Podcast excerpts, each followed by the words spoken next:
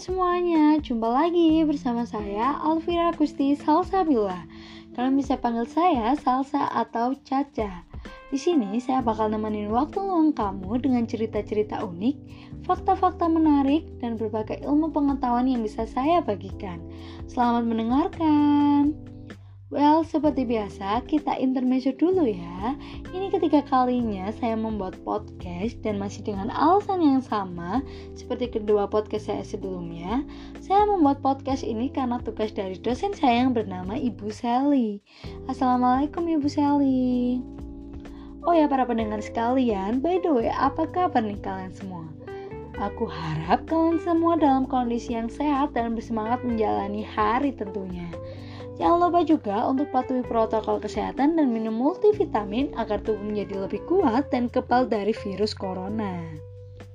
Dengar-dengar nih, proses belajar luring atau tatap muka udah hampir berlangsung secara merata di seluruh Indonesia. Bener nggak sih? Kalau di daerah saya udah bukan sekedar gosip atau omongan belaka ya, tapi memang sudah terrealisasikan.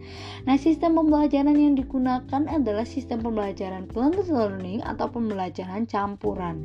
Sistem pembelajaran ini menekankan bahwa siswa dapat belajar secara tatap muka dan cara online.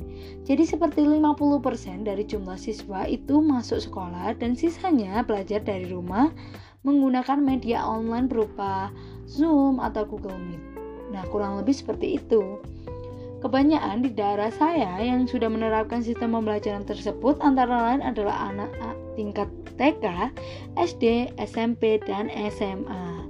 Untuk mahasiswanya sendiri, menurut saya uh, dari yang saya telah belum ada kegiatan tatap muka karena dari universitas saya sendiri belum ada kegiatan tatap muka itu sendiri.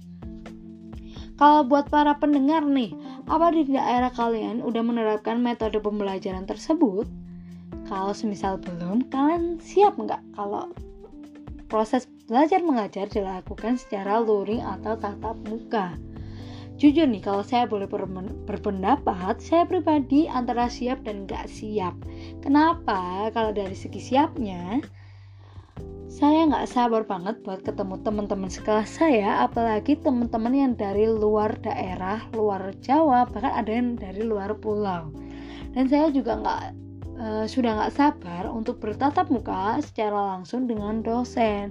Karena jujur aja nih ya, kalau saya boleh curhat, hmm, saya ini kurang bisa menangkap pembelajaran secara online atau melalui media-media online gitulah ya uh, melalui video atau apa karena saya kurang nyaman gitu.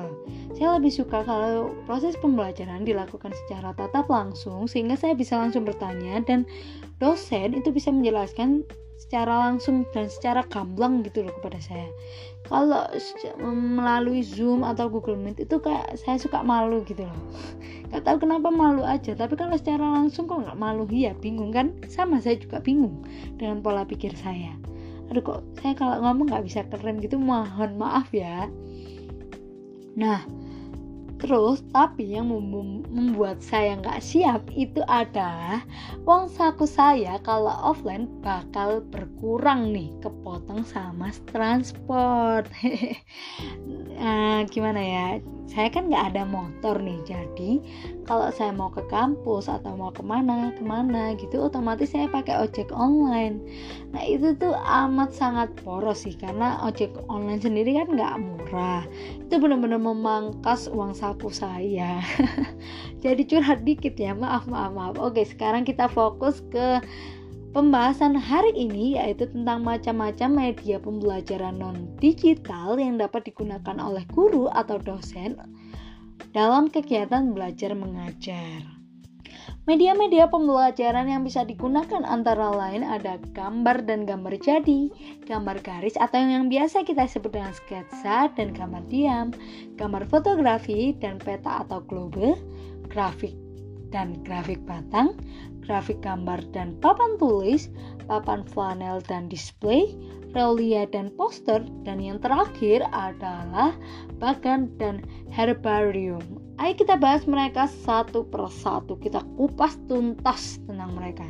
Yang pertama ada gambar.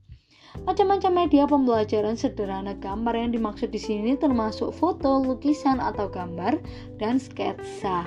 Macam-macam media pembelajaran ini bertujuan untuk menampilkan berbagai jenis gambar. Ini adalah untuk memvisualisasikan konsep yang ingin disampaikan kepada siswa. Yang kedua ada gambar jadi. Nah, macam-macam media pembelajaran gambar jadi dapat diambil dari majalah, brosur, selebaran, dan lain-lain yang dapat digunakan dalam proses pembelajaran. Yang ketiga adalah gambar garis atau yang biasa kita sebut dengan sketsa. Ciri utama dalam membuat gambar garis yaitu adanya objek, aksi, atau situasi yang ingin dilukiskan. Dengan gambar dengan gambar garis, siswa akan memahami pembelajaran melalui sketsa gambar. Kemudian yang keempat adalah gambar diam. Macam-macam media pembelajaran melalui media gambar diam adalah media visual berupa gambar yang dihasilkan melalui proses fotografi, misalnya foto, gambar, dan peta. Kemudian yang kelima ada gambar fotografi. Gambar fotografi diperoleh dari beberapa sumber, misalnya dari surat kabar, lukisan, kartun, ilustrasi. Foto yang diperoleh dari berbagai sumber tersebut dapat digunakan oleh guru secara efektif dalam kegiatan belajar mengajar dengan tujuan tertentu. Terdapat lima macam gambar fotografi yang harus diperhatikan, antara lain satu gambar fotografi itu harus cukup memadai. Yang kedua, gambar-gambar harus memenuhi persyaratan artistik yang bermutu. Yang ketiga, gambar fotografi untuk tujuan pengajaran harus cukup besar dan jelas. Yang keempat, validitas gambar yaitu apakah gambar itu real, benar atau tidak. Dan yang terakhir adalah memikat perhatian anak ini cenderung kepada hal-hal diamatinya, misalnya binatang, kereta api, kapal terbang dan sebagainya. Kemudian next kita move on ke peta dan globe.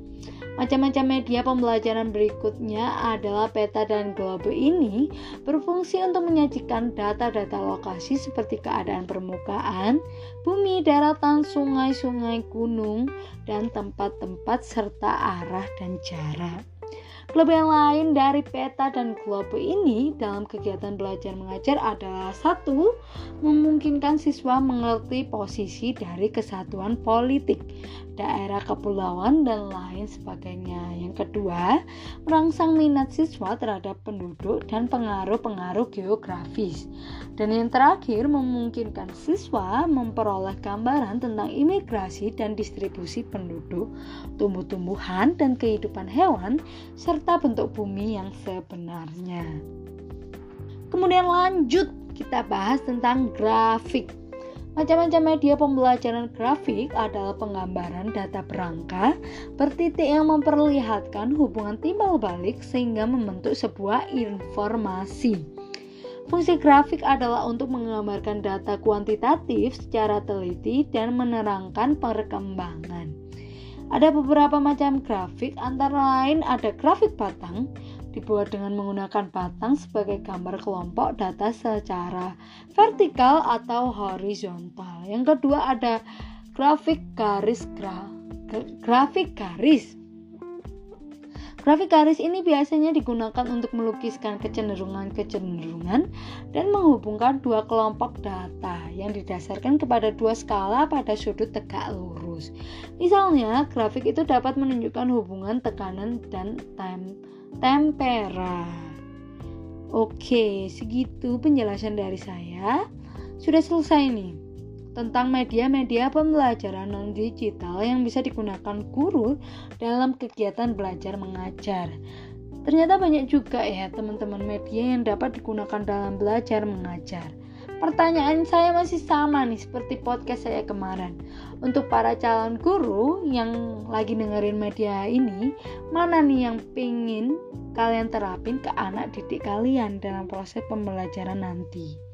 Oke guys, sekian dulu dari saya. Jika ada salah kata, salah bahasa, atau salah berbicara atau apalah ya, Untuk semua kesalahan saya selama podcast ini berlangsung, saya benar-benar memohon maaf yang sebesar-besarnya.